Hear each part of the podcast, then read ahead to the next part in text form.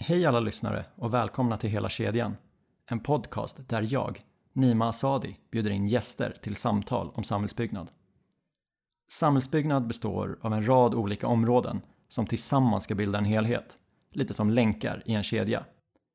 Och som vi vet är en kedja aldrig starkare än sin svagaste länk. I samtalen synar vi de olika länkarna och resonerar kring hur de påverkar helheten. Vad ger egentligen bäst effekt och mest värde när vi summerar samhällsnyttan? Ni som lyssnar kommer kanske märka att vi inte klipper i våra avsnitt. Hela kedjan är en samtalspodd där vi strävar efter att få till det avslappnade samtalet och vi hoppas och tror att våra lyssnare uppskattar autenticiteten detta kommer med. Med under inspelningarna är även Gurra, så bli inte förvånade när vi ber honom kolla upp saker eller när han kommer med inspel. Om ni har förslag på gäster eller är intresserade av att sponsra och samarbeta med podden kan ni gå in på www.hela-kedjan.se. Där hittar ni kontaktuppgifter till mig. Och ni hittar även samtliga avsnitt. Nu är det dags, låt oss börja. Dagens avsnitt är inspelat i Fink Agencys lokaler på Wallingatan i Stockholm. Ni som har träffat min nästa gäst eller följer henne på sociala medier vet att hon verkligen brinner för trähusbyggnation. Hon har ett engagemang som verkligen smittar av sig och hon var en av de allra första gästerna jag hade i åtanke när jag startade podden. Idag är hon projektledare för ett av världens största trähusprojekt och jag ser verkligen fram emot att lära mig mer och få möjligheten att sätta in valet av material i ett större sammanhang. Låt mig presentera Anna Ervas Öberg.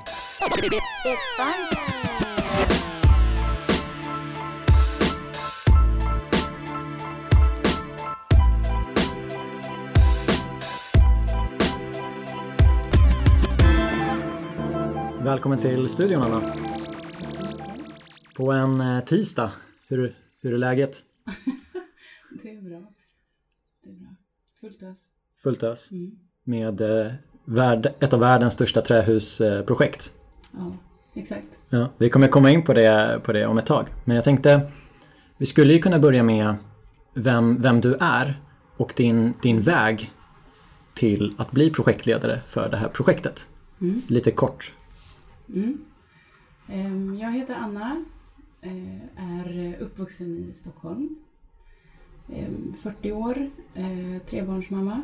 Ehm, Ja, jag är liksom en ganska vanlig förorts, förortstjej som flyttat in till stan.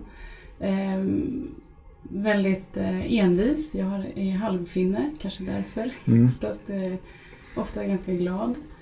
Ehm, och eh, jag bestämde mig tidigt för att jag ville bli arkitekt. Jag älskar att jobba med eh, formgivning, material, jobba med händerna. Sen ehm, någonstans på vägen så tyckte jag att jag fastnade i, i ett litet designhörn och ville lära mig mer. Så att jag, jag hoppade på eh, liksom en liten annan bana där jag bytte till beställarsidan. Eh, och nu via Folkhem, där jag var ett par år, så är jag nu på Veidekke bostad som projektutvecklare. Och fokuserar enbart på stora projekt i trä. Spännande. Mm. Jag eh, reagerade på några saker där. Från, från förorten. Vilken Mm. förort?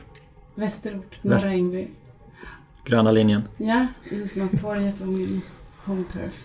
Ja, och sen tänkte jag, du nämnde att du, du har varit arkitekt och jag såg ju att del av din studietid har ju du varit i Japan. Mm. Så då känner jag att jag, jag skulle jättegärna vilja veta den, den kontrasten. Mm. Finns det någon, någon tydlig skillnad mellan utbildningen i Sverige och Japan? Eh, absolut. Lika mycket skillnad i utbildning som det är i länder skulle jag säga. Alltså det som slår en när man åker. Det var i Tokyo jag var i ett år. Eh, jag har ju alltid tyckt om att eh, liksom sätta mig i nya situationer som jag, ja, där jag lär mig mycket helt enkelt. Och eh, jag älskar också kvalitet. När jag gick på arkitektskolan så ville jag först jobba liksom på det bästa kontoret som eh, gjorde allt och hade bäst design tyckte jag. Så var jag på Sandra Sandberg. Eh, de gör ju allt från, det var varumärkesarbeten, möbler, eh, inredningar, hus, stadsplanering, allt. Och sen därifrån så kändes det lite tråkigt att gå tillbaka. Det kändes som att eh, jag ville göra något annat och då sökte jag till Tokyo, eh, University of Tokyo. Ehm, också för att det var väldigt, eh, det var något helt annat helt enkelt. Och de var ju, eller är, bäst i världen skulle jag säga på arkitektur och genomförande av sina idéer. Så att det var väldigt, jag var eh, typ den enda utlänningen på, på den liksom Department of Architecture där jag var. Så jag valde en professor som i alla fall hade varit gift med en amerikansk kvinna så han kunde prata lite engelska. Ehm, så kom dit, eh, skulle välja kurser på en stor anslagstavla, allt stod på japanska. jag blev slussad till någon hälsokontroll i början och skulle röntga lungorna för att visa att jag var en frisk utlänning. Och, och sen, det var som allt var väldigt annorlunda men det var ett helt fantastiskt år. Så ett ja. fantastiskt äventyr men också en läkarundersökning på, på köpet. det var mycket på köpet. Jag träffade min man där för övrigt. Ja. Oh, mm. du ser vad det kan förändra, valen man gör i livet. Absolut. Ja. Innan, innan avsnittet så, så pratade du lite om eh, detaljerna. Mm. Det skulle jag jättegärna vilja att du berättar för lyssnarna också. Mm. För det var ju en, en av skillnaderna du såg. Eller upplevde. Mm. Jag tänkte på eh, det innan jag kom hit också, vad det var som eh, var liksom, som jag lärde mig mest av, eller det som var mest lärorikt i Japan. Jag tänker att eh, de är så vansinnigt duktiga på att renodla sina idéer, att eh, liksom sålla testa alla idéer, sålla, liksom, men också så här, analysera och ta ett beslut. Så här, det här kör vi på. Och sen utifrån det liksom orka hela vägen. De har ju liksom en känsla för detaljer och genomförande som vi kan lära oss jättemycket av. Där de liksom orkar hela vägen. De sista 10 procenten sitt, bara sitter där oftast. Menar du att man, inte, att man, man har en idé och man förverkligar den och inte gör massa kompromisser på vägen? Är, förstår jag rätt? Mm, jag tror om man har en, en idé som är eh, så pass bra att den kan kännas enkel då kan man också klara av alla kompromisser på vägen utan att förlora idén. Mm. Eh, men sen handlar det ju om att eh, vara liksom väldigt envis och eh, vad ska man säga, nästan lite ja, men manisk i sitt arbetande så man orkar bevaka genomförandet. Alltså mm. att, ge någon slags eh, omvårdnad om, om alla delar. Inte bara liksom stora drag utan att att liksom lägga ner lite omtanke i alla, alla delar. Så det tog du med dig från, från Japan och mm. försökte implementera i ditt eget arbetssätt. Mm. Men sen säger du att du, du hamnar lite i det här designhörnet. Mm. Eh, innan du, du valde att byta väg, mm. var, var det självklart för dig att du skulle jobba med trähus? Eller ville du bara få till en förändring och kanske jobba med en större del av kedjan? Mm, det var egentligen två processer som gick parallellt skulle jag säga. Det var, eh, jag är ju ganska bestämd av mig, eller jag vet ofta ganska snabbt vad jag vill. och, eh, i, om man jobbar som arkitekt eller om man jobbar i liksom, fastighets och byggbranschen och vill eh, driva saker, då måste man ju också vara den som håller i plånboken. Eh, och för att hålla i plånboken så måste man också lära sig alla delar egentligen i den här eh, hela kakan. Liksom. Eh, och det var jag väldigt sugen på att, att göra. Eh, att liksom ge mig in i politiken och förstå ekonomin och också så här, på riktigt så här, fatta hur man bygger hus. som man inte nödvändigtvis lär sig om man sitter på ett arkitektkontor. Så att eh, det, det kände jag väldigt tydligt att, att jag behövde liksom bredda mig för att få igenom det som jag tyckte var viktigt egentligen. Och sen eh, parallellt med det så var jag föräldraledig med mitt tredje barn. Och då var det samtidigt som det stod eh, väldigt mycket i tidningarna om klimatkrisen. Det var då det började komma egentligen, 2013 ungefär. Mm. Eh, så jag hade ganska mycket tid, hade sovit ganska lite och hade liksom tre barn att ta hand om och kände bara att världen höll på att gå under. Så att då eh, liksom nosade jag runt i branschen efter vad jag skulle kunna hitta min plats, liksom, där jag kunde bidra med något. Jag var liksom redo att ta en, större del av projekten, liksom, att driva beslut och så. Och då, eh, då, eh, jag kände till Folkhem innan, men det var liksom de jag snubblade över egentligen. Och så, så uppvaktade jag dem och eh, fick liksom komma dit och, jobba som projektledare. Eh, och, de, och det som var så tilltalande med Folkhem var ju att de hade gjort ett sånt tydligt beslut. De hade bestämt sig för att bara bygga hus i trä. Också utifrån den här klimatkrisen, Mm. vilket kändes otroligt sympatiskt. Men utan att liksom tumma på arkitekturen och genomförandet. Ja, ja, Mm. Gurra? Jag tänker bara, det Mm. känns skönt att du har tagit tag i din klimatångest liksom. Och bara, det här ska jag göra. Ja, Ja. Kanske får några tips allihopa i avsnittet vad vi kan göra. Ja, Jag, tror men att, lite så. Jag- jag tycker att det är jättemodigt att, att byta, byta roll i, mitt i karriären. Jag vet inte hur vanligt eller ovanligt det är, men jag tycker att det är modigt. Sen så tänker jag att ja, när man gör det, mm, du kommer in, du byter från arkitekt till beställare. mm, Så kanske man har en känsla som är jag, kan, jag vet ingenting om hur det är att vara beställare. mm, Men samtidigt har ju du någonting annat med dig i din bakgrund. Så att du får en edge mm. i, i din roll. Hur, eh, hur, hur skulle du beskriva den första tiden som, som beställare? Eh, Jag skulle säga att jag började med att, att eh, göra lite byggpraktik. Det var liksom min första eh, grej egentligen när jag kom till Folkhem. Så jag måste ut i produktion. Så det var inte så lång tid men det var ändå väldigt bra för att förstå liksom, företaget och träffa alla människor där. Och bara, men också bara basics liksom, i hur man bygger. Och när man sätter sig, det som är så bra, när, apropå varför jag åkte till Japan, så, men när man sätter sig i en helt ny situation så är man också ursäktad ett tag. så det är ju väldigt så här, det är en tacksam roll eh, om man vill lära sig något, för man, det är ingen som förväntar sig att man ska kunna det. Eh, och sen har man ju liksom, det är upp till en själv någonstans att bara ta tag i åren och ro. Och sen, eh, men man har ju samma möjlighet att lära sig som alla andra, tänker jag. Så att det var, mm. Och sen jobbar jag med flera projekt eh, från början som låg i, i detaljplaneskedet och det hade jag gjort också på arkitektkontor så att det var jag väldigt liksom, bekväm med. Skönt att höra ändå. Det finns säkert fler som eh, funderar kring sin vardag. Eh, Och, så, och sen kanske man funderar lite mer på måndagar. Men att det går att byta. Eh, Man lär sig.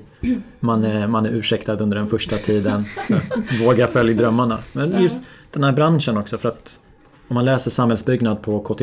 Mm. Det finns ju hur många olika inriktningar som helst. Men mycket i utbildningen är ju ändå gemensam. Mm. Så inom branschen så Mm. går det ju att hoppa ganska friskt och ändå ha med sig kunskaper som, som är värda, Ja. värda någonting i den nya rollen. Ja, men jag, tänk, jag gick i en sån här Waldorfskola hela min skoltid också och skill, det har jag funderat på. Nu har jag inget att jämföra med men vad som gör det så speciellt eh, eller annorlunda om man jämför med en kommunal skola. Men jag skulle säga att en, eh, en sak är ju att man får eh, testa väldigt mycket olika saker. Man, det är ju extremt mycket ämnen som man har i en Waldorfskola som man kanske inte har i en vanlig som stenhuggning och bokbinderi och det finns en smedja och man har projektiv geometri och lantmäterikurs. Och, så att man, man liksom drillas ju in i en kultur av att liksom prestigelöst ge sig in i nya områden och testa för att liksom utveckla sina sinnen. Typ. När jag träffade dig första gången så blev du presenterad som en, en person som är här för att jobba med, med trähus. Mm. Så märkte jag att ja, men den beskrivningen, det, det, det stämmer till viss del. Men du är ju en träbyggnationsentusiast. Mm. Och eh, det var ju den bilden jag hade av dig. Och inför det här avsnittet så har jag gått igenom din LinkedIn. Mm. Och uteslutande i princip så handlar ju dina inlägg om, om trähus. Så, du, du har nämnt klimatångesten, men vad är det mer som, som driver ditt engagemang till att eh, leta upp och dela information Mm. om, om det här? Um, nej men jag tycker det, man, det jag har lärt mig, eh, också den resan som Folkhem gjorde när man byggde Strandparken, det var ju innan jag började där. Men när man liksom förstod eh, hur, eh, alltså fördelarna med att bygga i trä och eh, liksom, vad är problematiken vi har idag med den här stora omställningen som vi alla måste göra. Och att liksom möjligheten finns faktiskt att göra en ganska stor skillnad genom att ja, bara egentligen byta ut ett material. och att det går. Liksom, tekniken finns och, och så. Eh, det, det, har ju jag också någonstans landat i själv, så här, den insikten. Och jag tycker att det känns... Eh, det är ju liksom framtiden. Och, så jag drivs ju av att eh, vara med. Jag tänker att eh, jag jobbar inte bara med trähus, jag försöker så här, tänka att jag är med och eh, så här, förändrar byggbranschen egentligen, byggindustrin. Att om man jämför med hur eh, sjukvården, liksom, eller inte sjukvården, men, men liksom hälsoindustrin och kanske ja, men jordbruket har mm. förändrats de senaste 50 åren. När man har gått liksom från helt en typ av maskiner och arbetsprocesser till ett helt annat. Alltså det är som två olika planeter och så tittar man på hur byggbranschen har rört sig de senaste 50 åren. Så känns det ju nu som att nu står man ju liksom vid en, en liksom, det är någon slags tidpunkt för förändring. Och, och det är ju där liksom. Det, tekniken finns, liksom, mm. mjukvaror, hårdvaror, material, kompetens, kunskap. Det är mm. bara att göra liksom. Mm. Så det handlar ju om att här, bara våga genomföra det. Ja, mm. och Strandparken som du nämner, det är, det är ett projekt i Solna strand. Sundbyberg. Sundbyberg. Ja. Men jag tror att det heter, närmaste tunnelbanan heter Solna strand i alla fall, gamla Vreten. Ja. Och det är ju fyra punkthus som jag tänkte säga att de är i trä. Men det har ju du mm. eh, berättat för mig att det är ju bara två som är, har en trästomme. Alla har träfasad mm. men två har trästomme. Och jag minns ju när man byggde det där. Mm. För då stack det ut. Det var inte så många jag tror att det är runt åtta våningar. Mm. Det, det, det, var inte så många åttavåningshus i, i trä. Så det, wow, kolla mm. Folkhems eh, trähusprojekt. Eh, mm. och, och, och, och, den opinion som fanns då. Jag tänkte fråga dig, nu har ju du varit projektutvecklare i, det blir väl snart fyra år. Mm. Men du har ju varit i branschen mm. längre.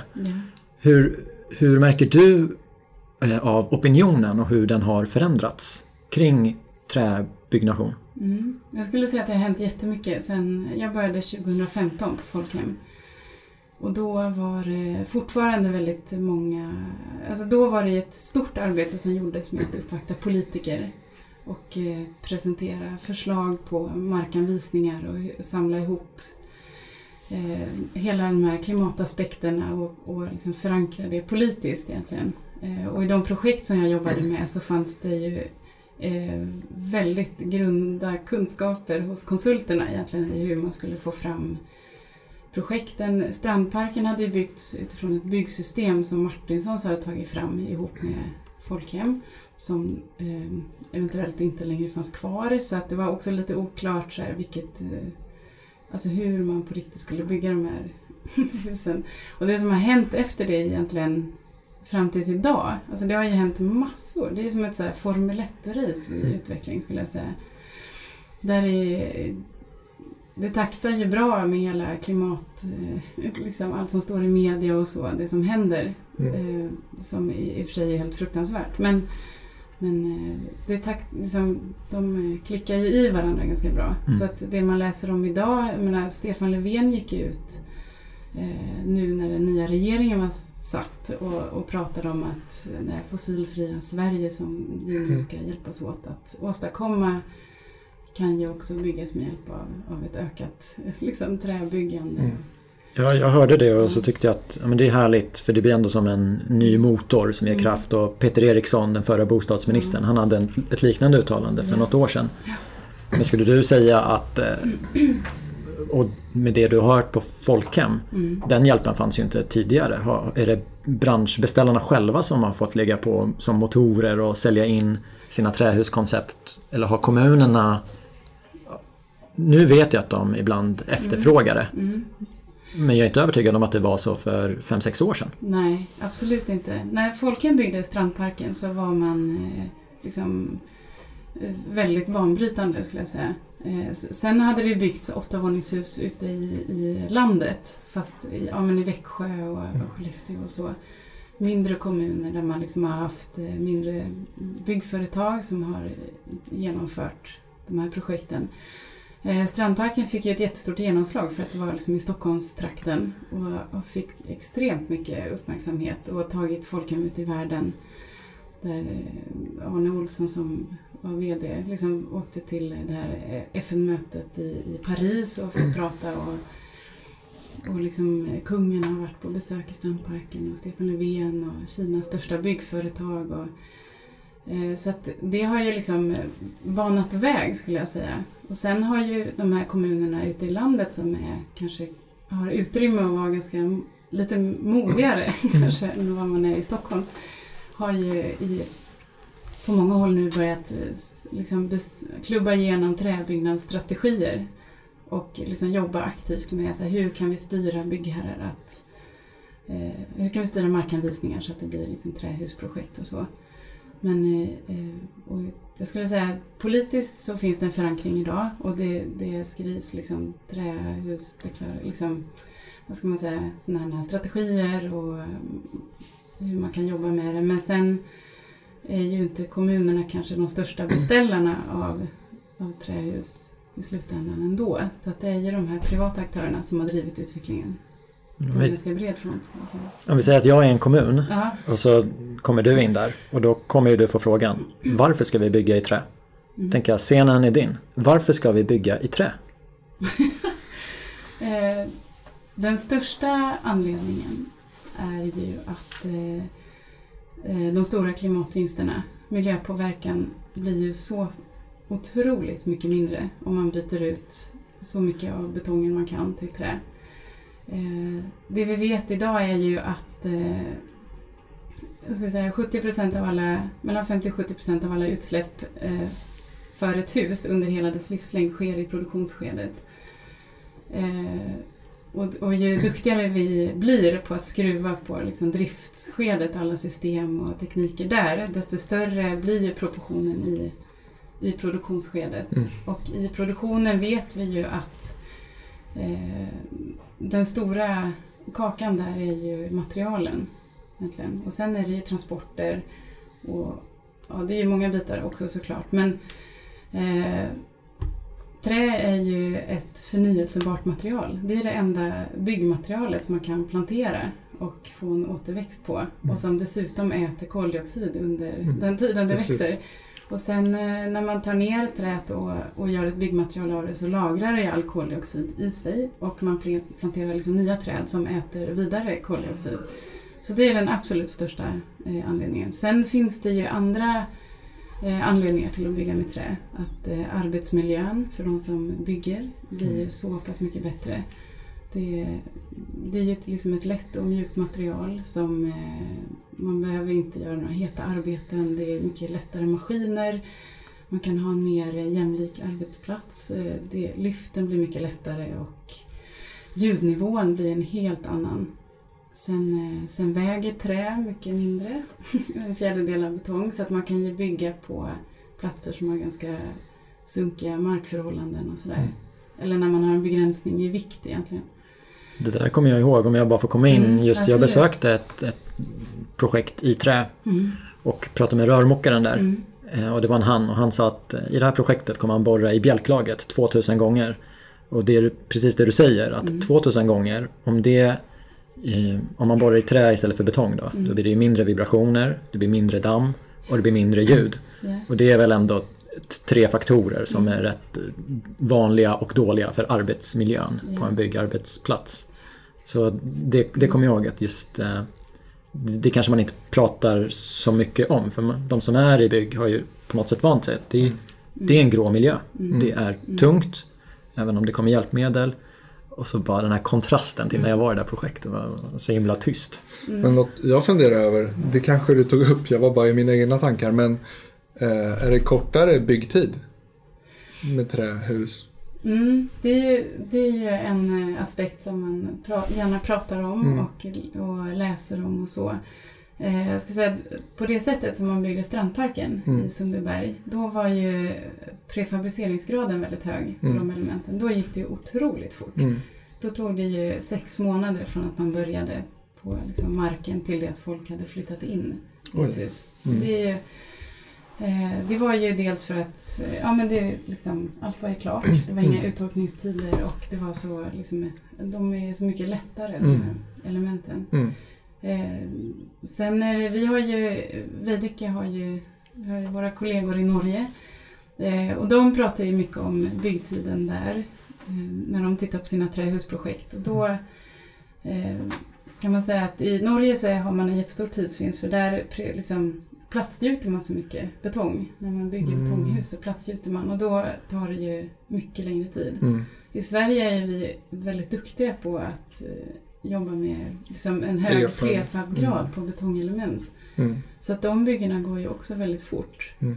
Och som det ser ja, när vi tittar på de här projekten vi har idag så har vi liksom inget, eh, ingen lösning på väderskydd som gör att vi kan ha så hög prefabriceringsgrad som i strandparken. Mm. Vilket gör att det blir, det blir fortfarande väldigt snabbt men det tar inte sex månader. Liksom. Nej. Mm. Jag tänkte på en sak Mm. när du berättade om, om klimatet. Att jag har alltid gått i, i tron om att ja, men vi i Sverige vi, vi är ganska medvetna om vårt eh, klimatavtryck. Mm. Och, fast vi kanske inte är det. Vi har lågenergilampor men vi har ingen aning om hur lampan tillverkades. Och det tycker jag är spännande det du säger om huset. För Mm. vi har ju en trimmad energianvändning. Eh, Jag gör inte av särskilt, med särskilt många kronor på uppvärmning av min, av min lägenhet. Men jag har ju ingen aning om produktionen. Hur, vad var koldioxidavtrycket under byggtiden? Och så, du nämnde en siffra mellan 50 och 70 procent av Mm. det totala klimatpåverkan är under produktionen. Mm. Har ni några siffror på vad, ett, vad det är i ett trähus? Eller är det siffror ni ska jobba med nu när ni bygger Mm. cederhusen? Alltså vi, vi kommer ju jobba med det nu och göra mätningar. I de eh, eh, projekten i Norge som Veidekke har byggt, eh, där har man ju gjort mätningar och då ser man att man kommer ner med 50 procent Mm. i eh, alltså koldioxidutsläpp under produktionen på material egentligen. Och då fick jag lite siffror. Mm. Eh, Eller vi pratade om siffrorna när Mm. vi, vi tog en fika för en vecka sedan Mm. för att prata ihop oss. Att i Sverige så, så står ju byggindustrin för ungefär 20% av, av utsläppen. Ja. Och i världen är det högre, men i Sverige är det lite lägre. Så om vi kan halvera den, Mm. då går vi från 20 till 10. Mm. Eh, Flygbranschen som alla snackar om, den står ju för 2-3% totalt. Ja. Och de syns ju i Nyhetsmorgon och massa program. Mm. Mm. Och jag tror inte att folk är medvetna om den här skillnaden och jag tvekar ju lite kring beslutsfattarna. Mm. Jag menar inget illa men Mm. jag hade ingen aning om det här och jag har varit i byggbranschen Ja. under ganska många år. Nej men det är ju, det är ju så, så bra att det kommer upp. För det är ju precis som du säger. Man har ju liksom hittat en, en nisch. Eller jag tänker flygindustrin har ju fått ta väldigt mycket utrymme i klimatdebatten. Eh, Så att eh, det är ju helt på tiden att vi snackar om byggbranschen. Vi är ju väldigt många människor som jobbar i den här industrin och branschen Mm. som faktiskt har ett stort ansvar, tänker jag, Mm. att göra någonting.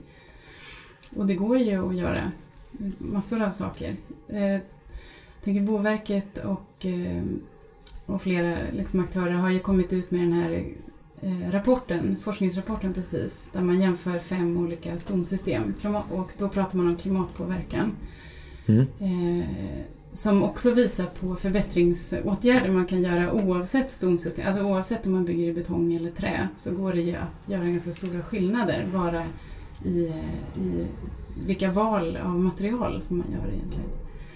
Eh, där minns jag också just jämförelsen mellan stomsystemet. Det, det kom ju några rapporter för två år sedan. Mm, Men det var så lätt att slå hål på dem. Eller det, det blir ju lätt två läger. Vi Svensk Trä mot eh, tänkte jag säga betongmaffian. Och jag menar inget illa men de, het, de kallar ju sig själva det. De hade en podd som hette Betongmaffian. Så, så jag menar i positiv bemärkelse. Det var så lätt att slå hål på argumenten att ja, men platsen för projektet är jätteavgörande. mm, Och Riksbyggen till exempel tog ju fram ett räkneexempel där det var bättre med betong. mm, Så jag vet inte hur de här sista rapporterna är men förhoppningsvis har man ju då jobbat in alla de här synpunkterna. mm. Ja men det tycker jag att, att man ändå har tagit dem i beaktande. Och så har man ju Det man har gjort i den här senaste rapporten är ju att ta samma hus eh, så att det är samma förutsättningar och samma liksom, energikrav och system och sådär. Och eh, ändå projekterat om det huset i fem olika stomsystem. Och jag tycker att man behöver kanske röra sig ifrån den här debatten, vilket material som är bäst, alltså trä mot betong. För det blir en ganska hämmande diskussion tycker jag.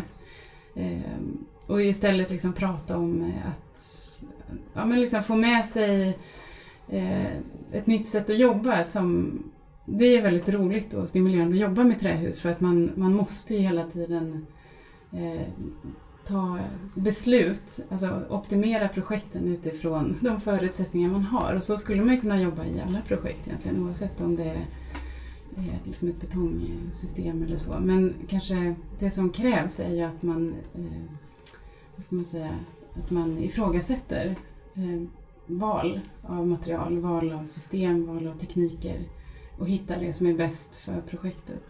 Ja, men där håller jag med. Jag har ju en bakgrund eh, inom bostadsproduktionen och då har jag, det har uteslutande varit eh, betong mm. Eh, i, i, i stommen. Så, så, jag har ju inte någon uppfattning om att vi ska bygga i betong eller vi ska bygga i trä utan jag, speciellt i rollen jag har nu, så är jag ute efter det som är bäst för projektet men också att det går hand i hand med samhällsnyttan. Just. Det är ja. på något sätt det vi vill få fram. Ja. Men det som inte är okej, det är ju att bara tänka att man ska göra precis som man alltid har gjort. För det funkar ju inte. Har, om sex år ska vi liksom ha halverat våra utsläpp i hela världen och det kommer vi aldrig göra om vi bara gör som vi alltid har gjort. Om det sitter någon ja. som lyssnar nu och, och tänker så här, men om, om fler börjar bygga i trä, tar inte skogen slut? Vad är svaret på den? Det här var, hade jag faktiskt en, eh, lyssnat på en föreläsning igår. Men eh, det handlar ju också om, eh, självklart om det här hållbara skogsbruket. Om man skulle bara gå över från en dag till en annan så skulle det nog bli rätt svårt liksom, att, för liksom, skogsindustrin att man måste ändå ta hand om, om råvaran också någonstans. Det är den som äter vår koldioxid och som vi behöver. Men eh, som det ser ut idag så har vi ju mer skog i Sverige än vad vi någonsin har haft. Eh, tack vare en, eh, vi har en, en lag som säger att för alla träd som vi hugger ner så måste vi plantera ett nytt. Mm. Den har vi haft sedan eh, 60-talet. Sen har man alltid liksom planterat mer än en planta för varje träd man tagit ner för man vet att, att ett par stryker med liksom, under tiden. Men idag så har vi 70 procent av Sverige täcks av industriskog. Eh, och eh, vi producerar, ja, vi har en kapacitet snart att, att tillverka 10 000 bostäder om året. Mm. Och plantera ett träd, mm. vad tar det? 100 år? 50? Vet vi det? Eh, nej men de växer ju som mest i 30 år. Eh, och sen eh, slutar de ju växa. Så de äter ju som mest koldioxid också eh, under de första liksom, 15-20 åren. Mm. Så det man skulle vilja är ju att man, man har man ska ju såklart ha kvar liksom, den här gamla skogen också, måste man alltid tillägga. Men det, det som är industriskog kan man ju liksom använda på ett annat sätt. Mm. Den har ju lite kortare livscykel. Ja. Och jobbar man med liksom massiv träelement så har man ju inte heller krav, liksom extremt höga krav på kärnvirke och så utan det är ju vanliga plankor egentligen man korslimmar och använder. Ja, men jag tänkte komma in på det för att eh, nu har vi pratat om, om fördelarna med, med trä mm. och så tänker jag att ju, ju fler som engagerar sig, mm. både aktörer, men kommuner och materialleverantörer. Det, det, brukar ju komma bra saker av det också, att det kommer in nya idéer och, och tankar. Finns det någon eller några händelser de senaste tio åren som var så här, vad, vad är nytt inom, när vi bygger trähus idag, vad är nytt jämfört med för 5-10 år sedan. Och jag tänker brett nu. Är det att det har mm. ploppat upp massa nya fabriker? Har det kommit ett material som är mer mm. sammansatt på ett sätt så att det är mer hållbart? Har du några sådana händelser? Um, jag måste tänka. De här korslimmade skivorna, de elementen som man bygger de här höga husen med. Eh, de har ju ändå funnits eh, sedan 2006 ungefär. Mm. Eh, men det som har hänt nu och som kommer hända de närmsta åren är ju att det kommer öppna tre stora fabriker i Sverige som liksom ökar kapaciteten på att leverera det här materialet. På ett väldigt, alltså det kommer att bli en ganska stor skillnad. Vi hoppas att det märks i både pris och liksom intresse, efterfrågan och sådär. Men ehm, vad är det mer som är... Det händer ju saker hela tiden egentligen. Eh, Den här lagen om att man inte fick bygga höga, alltså högre än typ, jag tror det var tre eller fyra våningar i trä, den togs ju bort 94, så det var ju väldigt länge sedan. Så man har ju kunnat bygga höga hus i trä under lång tid. Eh, Fast då har ju inte tekniken funnits egentligen. Sen eh, det som händer nu är ju att de här eh, leverantörerna tar fram nya system som eh, gör också att man kan bygga på höjden på ett annat sätt. Eh, Där man liksom eh, kan välja korslimmade skivor i ett fall och så kan man välja liksom pela balksystem och rigga upp projekt om man ska bygga högre. Men det känns ju som Mm. ganska stora saker som har hänt. För det är inte så att man eh, har kommit till den upptäckten de senaste fem åren med betong att nu kan vi helt plötsligt bygga högre. Nej. Så det, ju, det händer ju... Ja. Ja, det händer ju Vi tar det för givet men Ja. det är en jätteförändring i så fall. Ja, nej men det är ju liksom ett, det är ju som jag sa, det är ett Formel 1-race i utveckling, verkligen. Som pågår eh, varje dag i hela världen skulle jag säga. Det är inte bara i Sverige som vi håller på att prata om det här. I England har man byggt jättemycket i trä under lång tid. Och anledningarna, det är ju väldigt roligt, man, vi har varit där och, och tittat och besökt arkitekter och, och liksom världens bästa trähuskonstruktörer som har liksom hundra projekt bakom sig. Och de säger att man använder trä för att det är så mycket lättare att bygga med och det är, man får tunnare väggar och bjälklag och det är mycket billigare. Mm. Så det är som motsatsen till all, alla de argument som är emot träbyggande i Sverige egentligen. Ja, vi kommer komma in på det för att jag googlade upp några myter som jag tänkte vi ska reda ut en gång för alla.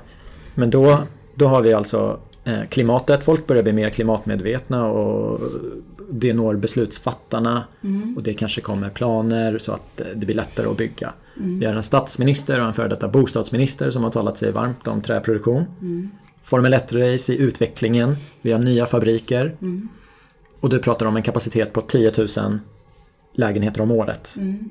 I de här fabrikerna. Sen har vi ju en råvara som skulle kunna ge oss mer. Men, Mm. Okej, ja, och då tänker jag att då kan vi bygga jät- jättemycket. Eller Ja. mer än vad vi gör idag. Mm. Och ändå så har det inte gjorts de senaste åren. Och du, du nämner Norge. Och Mm. i Norge så finns det ju faktiskt ett tydligt exempel på hur de fick igång sin produktion. Som du har berättat för mig men inte för våra lyssnare. Så vad var det som hände i Norge? Hur, varför blev det en boom där? Och det var ju lite om de här kommunala beställarna. Mm. Just det. Ja, men jag kan ju bara så här, Det handlar om egentligen eh, Veidekkes resa, skulle jag säga. För de är ju liksom den största trähusbyggaren i Norge. De, fick, eh, de har ju genomfört ett antal entreprenader eh, av eh, hela områden med stora trähus egentligen, som är kommunala beställare av studentbostäder. Så att där har man liksom lärt sig på entreprenadsidan att vara trygg i liksom att bygga de här husen.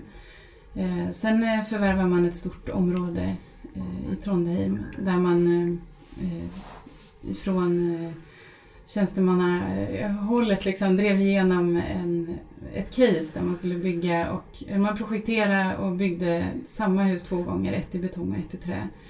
Och då blev det ju väldigt tydligt. De argumenten för att eh, bygga det här huset i trä, eller att gå in i det, var ju också att man sparade väldigt mycket pengar på grundläggningen. Det var mycket lera på, i marken. Och att man samtidigt kunde bygga tre våningar extra eh, på det trähuset. Så att, Eh, det tillsammans med att man var liksom trygg, eh, en trygg entreprenör att genomföra det här projektet gjorde ju att man, man då tog beslutet att genomföra det här projektet. Och sen har man eh, tagit tillfället i akt att mäta allt. Man har haft samma konsulter som har projekterat och det är samma system i båda husen. Det är samma gäng som har monterat det. Och så liksom mäter man och jämför och intervjuar folk som flyttar in och så. Ja, jag, blir, jag är superintresserad av, sånt och vill, vill gärna läsa på. Och jag vet inte, jag, jag har ju sett dig prata, på, stå på scen och prata om trähusbyggnation. Jag vet inte om du nämner de där mätetalen från Norge. Mm. Men jag är ju superintresserad så om du någon gång ska presentera det där så, så kommer jag jättegärna. Det är bara att mejla. Ja, jag mejlar. Men jag tänker när Stefan Löfven eh, säger Mm. Eller pratar positivt om, om, om trä. Och man ser hur det var i Norge, att de här kommunala beställarna gick i bräschen. Mm. ja men det kanske var det som fick Veidekke att överhuvudtaget satsa på det. Mm. Jag vet inte, men det kan ju vara så. Ett, det skulle ju kunna vara något för, för Sverige också om man menar allvar med regeringsförklaringen. Så kan ju det vara ett steg. Mm. Och nu ska vi inte spekulera i det men om vi funderar kring vilka som kan knuffa branschen i nu säger vi positiv riktning och vi menar inte att det är en negativ riktning idag, eller jag gör inte det, men knuffar det mot en, i en trähusriktning. Mm. Då, då är det antingen eh, beställarna, de här kommunala, men det är också finansinstituten. Mm. För Lennart Weiss pratade ju om att man behöver två saker. Du behöver kunna bygga och du behöver finansiering. Mm. Sen är det klart. Mm. Så om vi tar finansinstituten. Har, har du i din kontakt med dem hört, hur, hur, hur tänker de? För de har ju också aktieägare som vill att deras barnbarn ska, ska leva. Finns det hållbara obligationer och gröna lån? Eh, det finns ju gröna obligationer och eh, gröna bolån har jag lärt mig. Jag har ju precis eh, börjat liksom nosa på det här. För nu, nu känns det ju som att vi har kommit till en punkt där vi, där vi liksom är trygga i de tekniska lösningarna och vi vet att industrin har kapacitet. Vi vet att liksom de som också eh, politiker och så, att de är, är liksom trygga i kravställningar och, och så i de projekt som vi jobbar med. Ehm, och då handlar det om att sy ihop business-caset egentligen. För att eh, om man vill ha liksom en bred genomslagskraft på det här så handlar det om att få det lönsamt. Ehm, jag måste ju också bara lägga till att när vi har kalkylerat på de här projekten så är det ju inte dyrare att bygga i trä än i, i liksom ett betongsystem. Det handlar bara om, om liksom, vissa poster är dyrare men andra blir liksom billigare. Så att, Mm.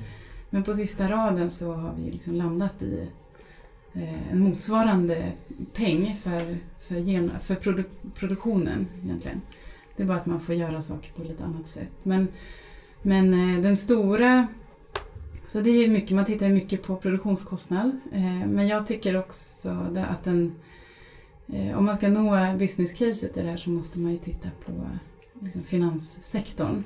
Och när du nämner forskning så är det ju nästa det man har befäst nu egentligen är ju klimatvinsterna i att, by, att, att jobba med trä. Eh, Men nästa fråga är hälsoaspekten i, i att jobba med ett naturligt material. Att så här, hur påverkas man på riktigt av att bo i ett hus som inte har plast i väggarna och, och liksom där man eh, använder ett material som ändå balanserar luftfuktighet. Eh, Man, det innehåller såna här ligniner som jag lärt mig är, har en antibakteriell påverkan som gör att liksom man, det, det borde liksom påverka ens hälsa också.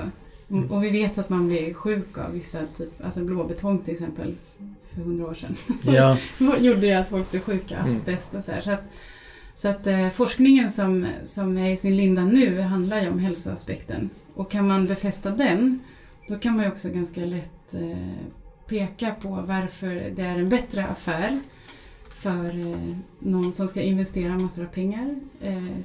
Eh, att göra det i ett hus som då är både friskt och liksom påverkar klimatet på ett positivt sätt. Egentligen. ja men det tänker jag också att Mm. eh, om forskningen visar Mm. de här eh, effekterna över, över tid så är Mm. det jättebra. Men finansinstituten har ju redan idag att om ditt kreditbetyg är AAA då Ja. har du den här räntan. Ja. Men har du AA Mm. så har du den här.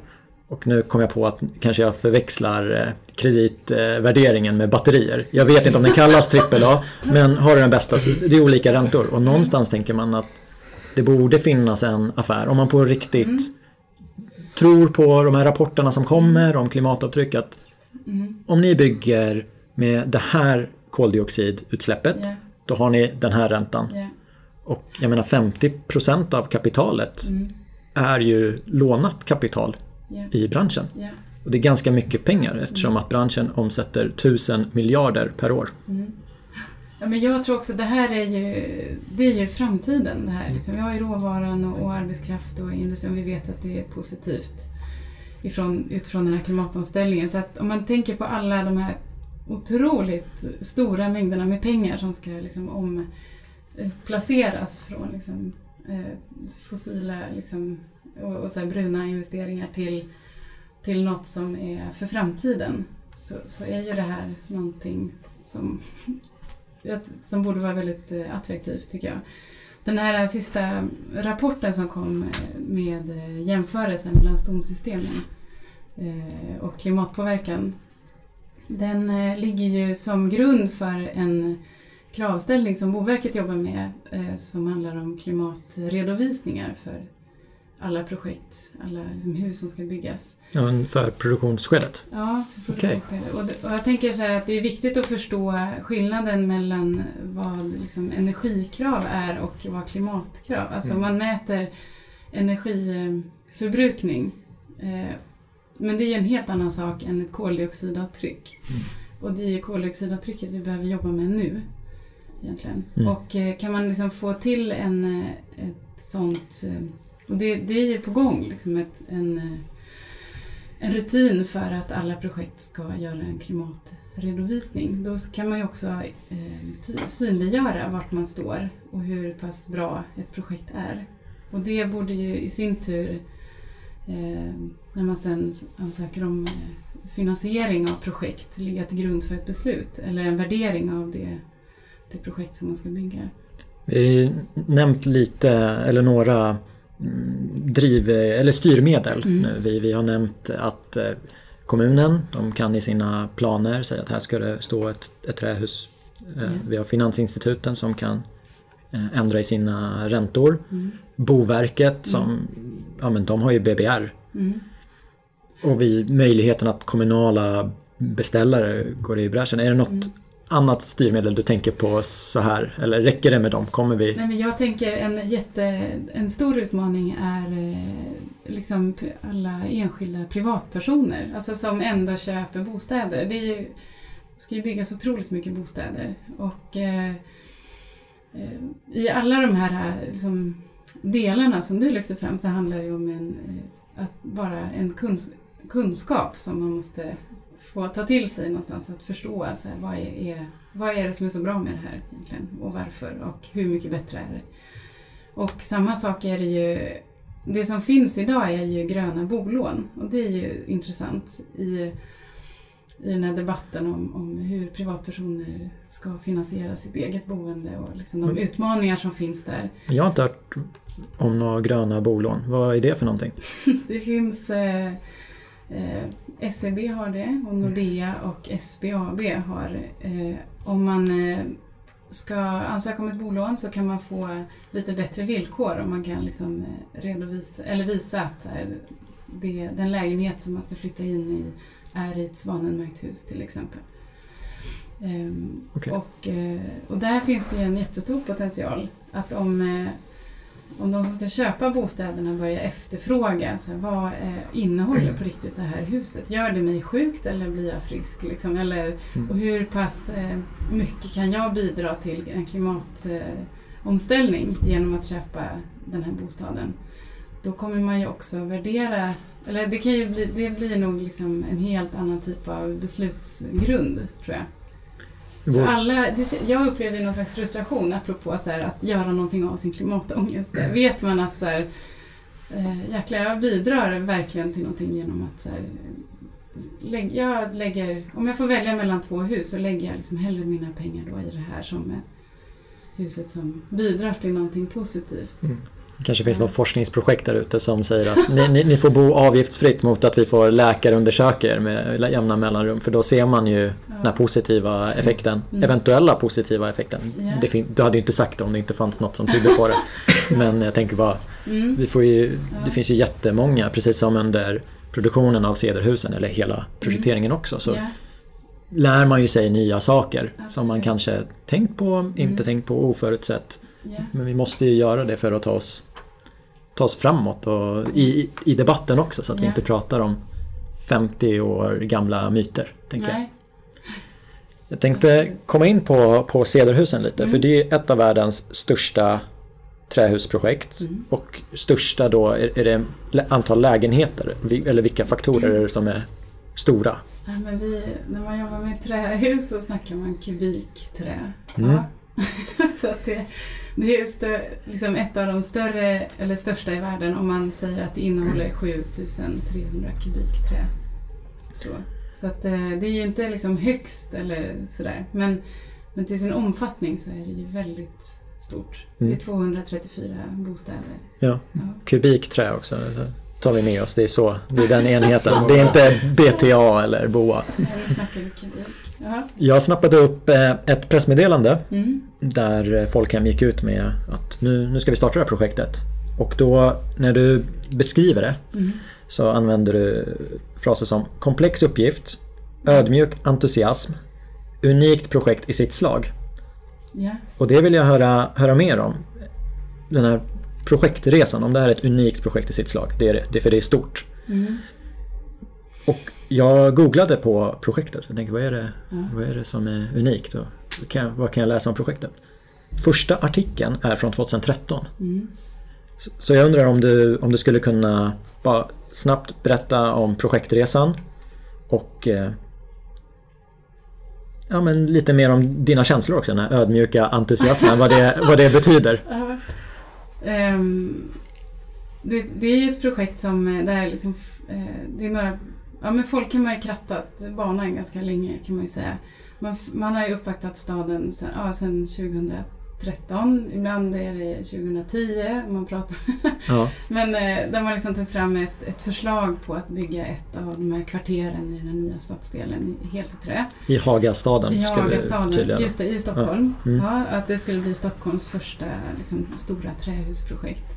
Sen har det här projektet eh, liksom valsat runt på utställningar, varit på Venedigbiennalen tillsammans med liksom, Svenskt Trä och, och Sveriges arkitekter och det har visats på massa ställen. Och sen eh, eh, har folken varit ute i världen och, och liksom pratat om eh, de här positiva egenskaperna av trä och fördelarna med att bygga trä. Man kan ta sig an svåra tomter, det är lättare. Transportfrågan är ju också en viktig parameter, att man minskar trans- transporterna så mycket. Och då 2016 så kom staden tillbaka och sa nu har vi en tomt i Hagastan.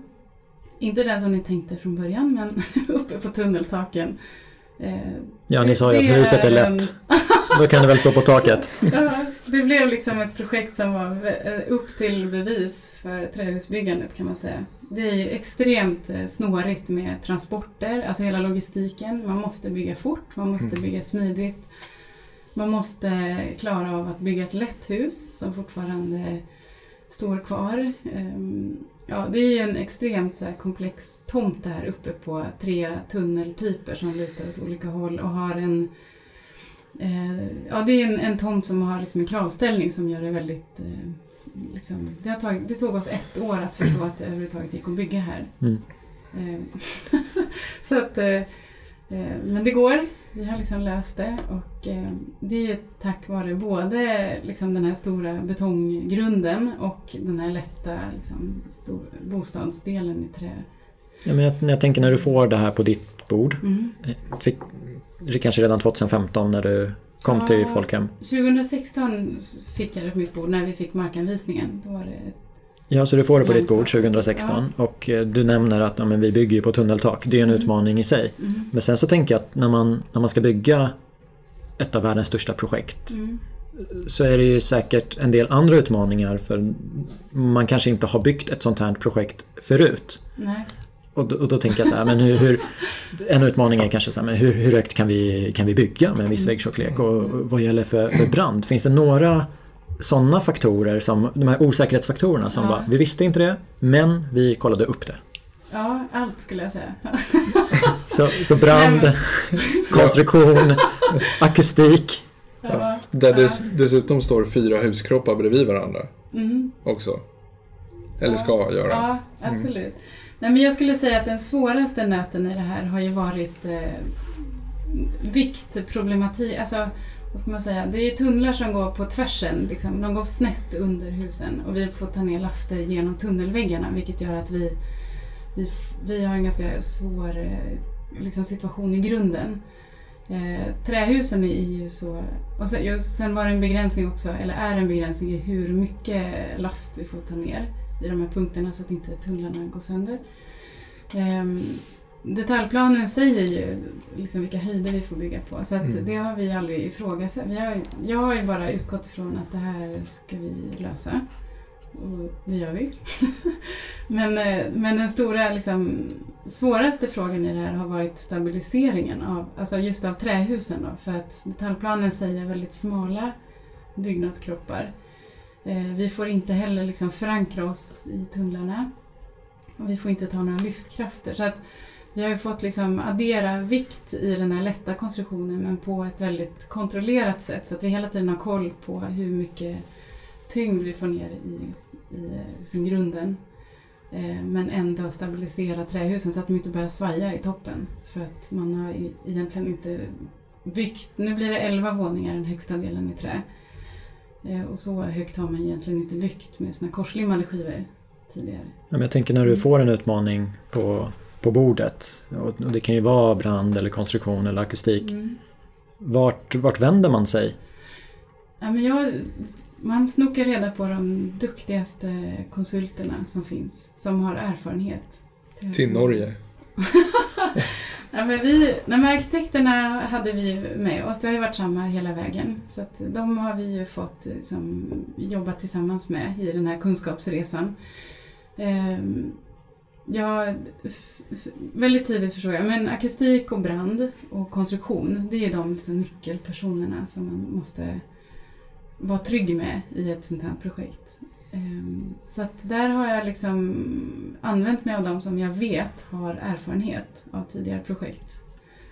Trähusprojekt eh, runt om i Sverige. Så de var ju inte från Stockholm men, men de var liksom trygga i de här tekniska lösningarna. Och liksom kravställningen är ju samma oavsett vilket stomaterial man har. Men lösningarna ser lite olika ut. Mm. Eh, och sen eh, har vi haft eh, samma konstruktör egentligen med oss från början också och det var en tjej som gjorde exjobb på Folkhem. så hon, hon har också gjort en, en kunskapsresa med oss och är, är liksom otroligt duktig. Och sen har vi tagit stöttning utifrån de här eh, jätteerfarna konstruktörerna i London vad härligt för, för henne. Börja på, på Folkhem och så är man konstruktionsspecialist när det här projektet är, är klart. Om man har varit med och konstruerat det största ja. projektet. Frida ja. Tjärnberg heter hon kanske. Ja, name, name drop. eh, när, när jag eh, bokade in, eller när vi bokade in att du skulle komma hit mm. så tänkte jag ja, jag ska fråga hur trä har påverkat produkten. Mm. Men jag tänkte omformulera den nu när du berättar om tunnlarna. Ja. Och hur har tunnlarna påverkat produkten? Mm. För om, om vi pratar vikt, det är ju inte särskilt många material man kan bygga med. Om man inte bygger i... Alltså, om man ska bygga 11 våningar. Ja, nej men vi har ju...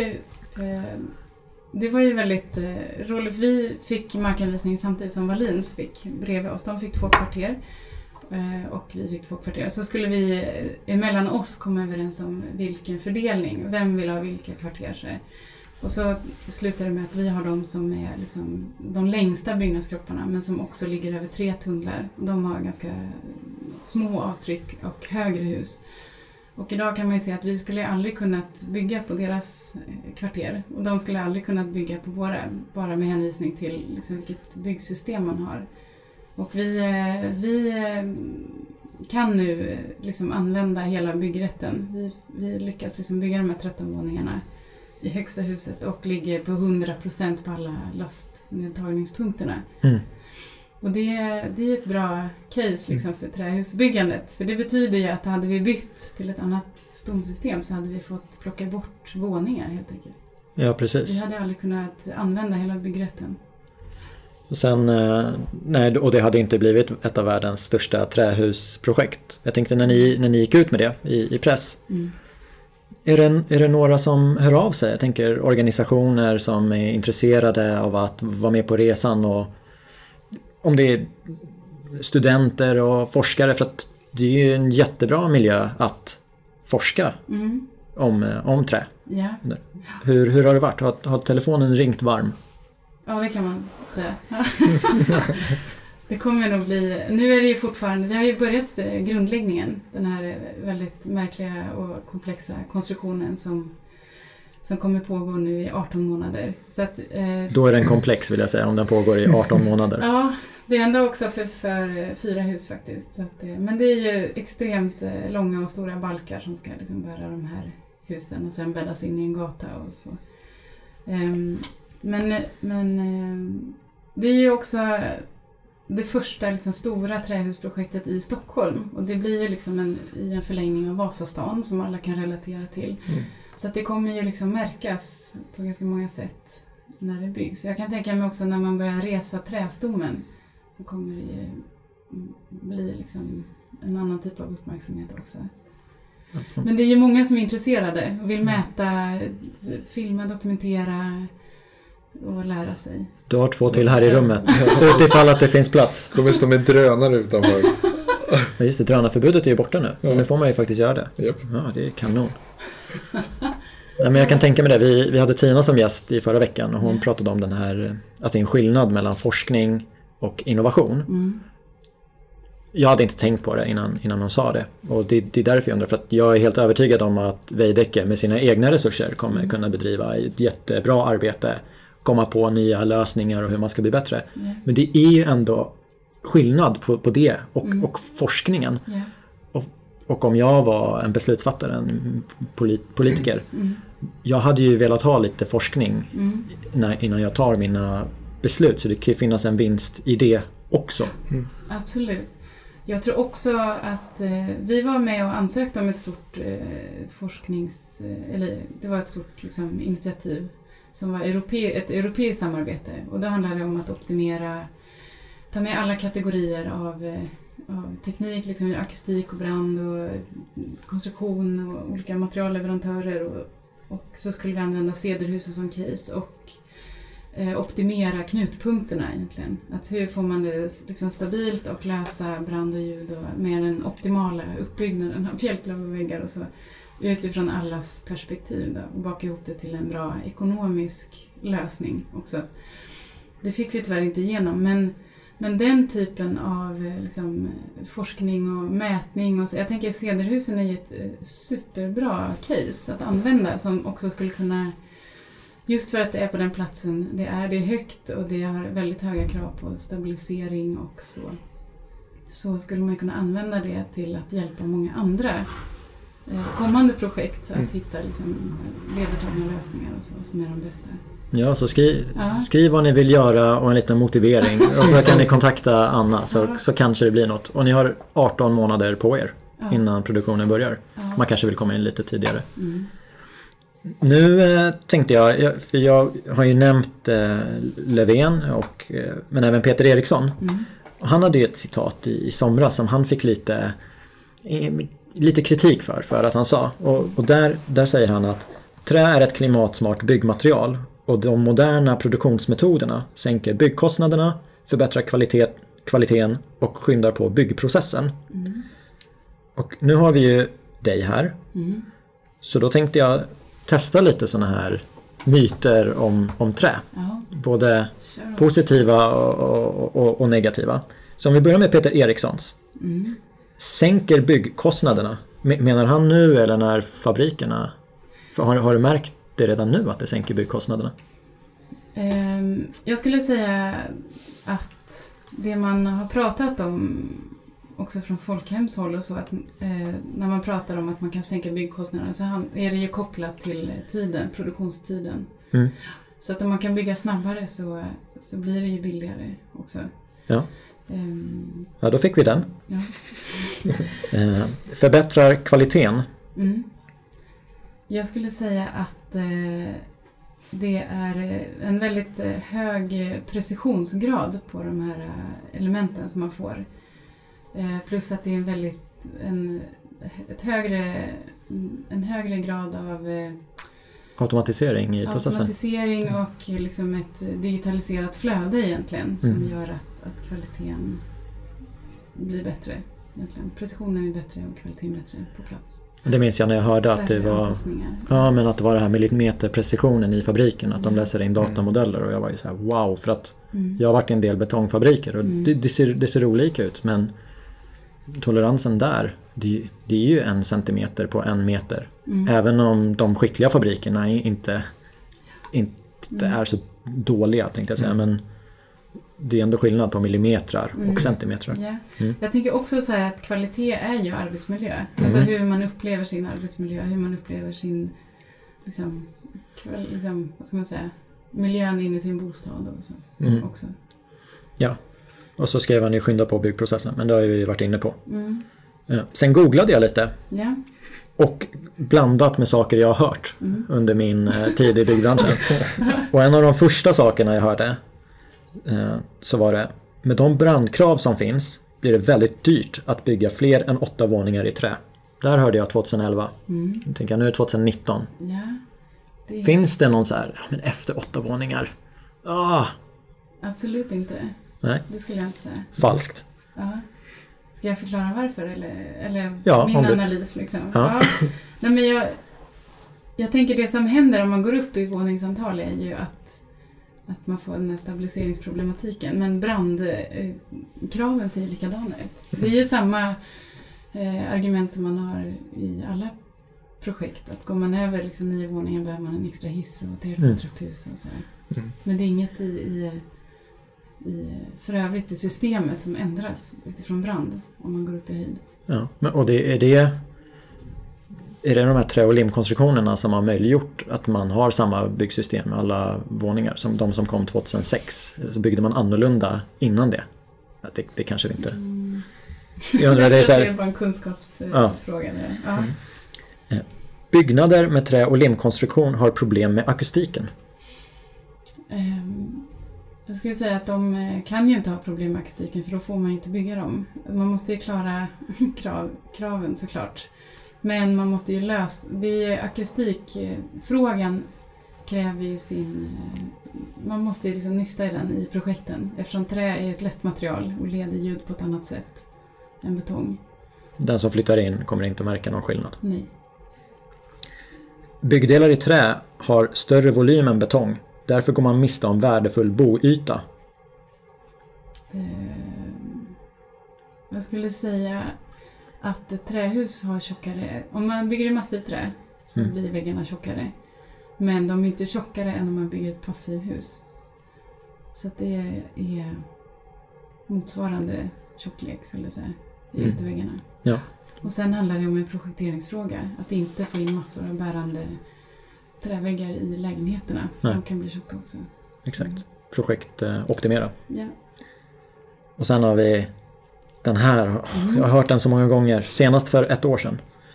Byggdelar i trä är oerhört fuktkänsliga. Därför måste man täcka in huset under produktionen för att vara på den säkra sidan. Eh, Jag skulle säga att eh, fuktprojektering måste man ju alltid göra. Och det som är som grejen med fukt är ju att om man liksom stänger in, om man har en tät konstruktion där fukt kommer in och inte kommer ut, om man liksom tillför värme och näring så blir det ju mögel. Trä är ju liksom ett, eh, det är ju ett material som har helt fantastiska egenskaper i förhållande till fukt. Men som med allt så ska man ju hålla det diffusionsöppet. Så att det vädrar ju också ut fukt mycket fortare än betong. Så att det vi gör är ju att ta bort plast, eh, plasten i väggen. Så att det är helt diffusionsöppet. Eh, sen har man, det är, vind, det är fortfarande lufttätt men diffusionsöppet. Vilket gör att det, det blir ju inte mögel och det torkar ju ut mycket fortare än ett betong, en betongvägg. Mm. Så att jag skulle säga att ehm, det är falskt. Mm. Man måste inte täcka in. Man kan bygga eh, resa en stomme helt i trä utan väderskydd eh, och inte få problem. problem. Om man sen liksom gör det rätt hela vägen såklart. Ja, jag tror dig. Och så Ja. kan, tänker jag mig att eh, vissa är ändå lite osäkra för att det är, det är ju sådana här saker de, de har hört. Och det är Mm. därför ni ska ta in forskare som forskar och tar sina prover och Mm. skriver ner sanningen i en rapport. Ja.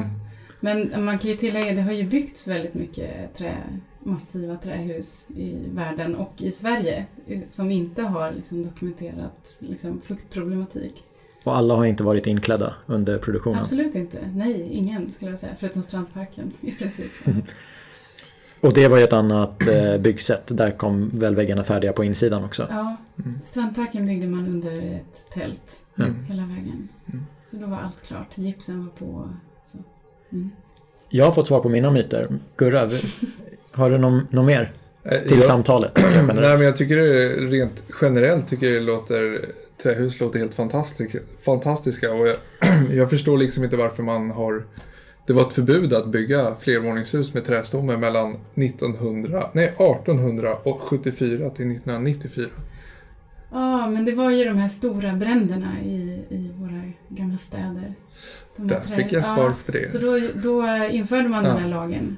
Men det som har hänt, eh, det är också skillnad på, eller vad ska man säga, nu bygger man ju högre hus i, Mm. med också lätt regelväggar, Mm. alltså med regelstomme. Mm. Och det är de, där är liksom, där är en massa luft och isolering och så här som kan brinna på ett annat sätt. Mm. Men om man gör och, men, det- och det kan man ju lösa såklart, Mm. de projekten. Eh, men de här massiva träskivorna, eh, de uppför sig liksom på ett helt annat sätt Mm. i form av brand. Det är som att slänga en stor stubbe på en brasa. Liksom. Det Mm. blir kol Som man, får, om. som man försöker elda bort en ekstubbe. Liksom. Ja. Ja. Det går Den inte. förkolnar ju liksom på ytskiktet men Ja. kärnan har ju samma egenskaper kvar. Mm. Mm. Jag fick hem post från Mm. Stockholms byggnadsförening i veckan eller i förra veckan. Där är du med på bild. Ja. Hur kommer det sig? Ska du hålla en presentation? Jag höll en presentation. Jaha, Ja, det var- det handlade om Hagastaden. Ja. Okej. Du missade den Nima. Ja, det kommer fler tillfällen. Ja. ja, men jag har sett på din LinkedIn att du, du håller ju presentationer med hyfsat jämna mellanrum. Ja. Vad, eh, vad brukar beställningen vara när, när de ringer dig?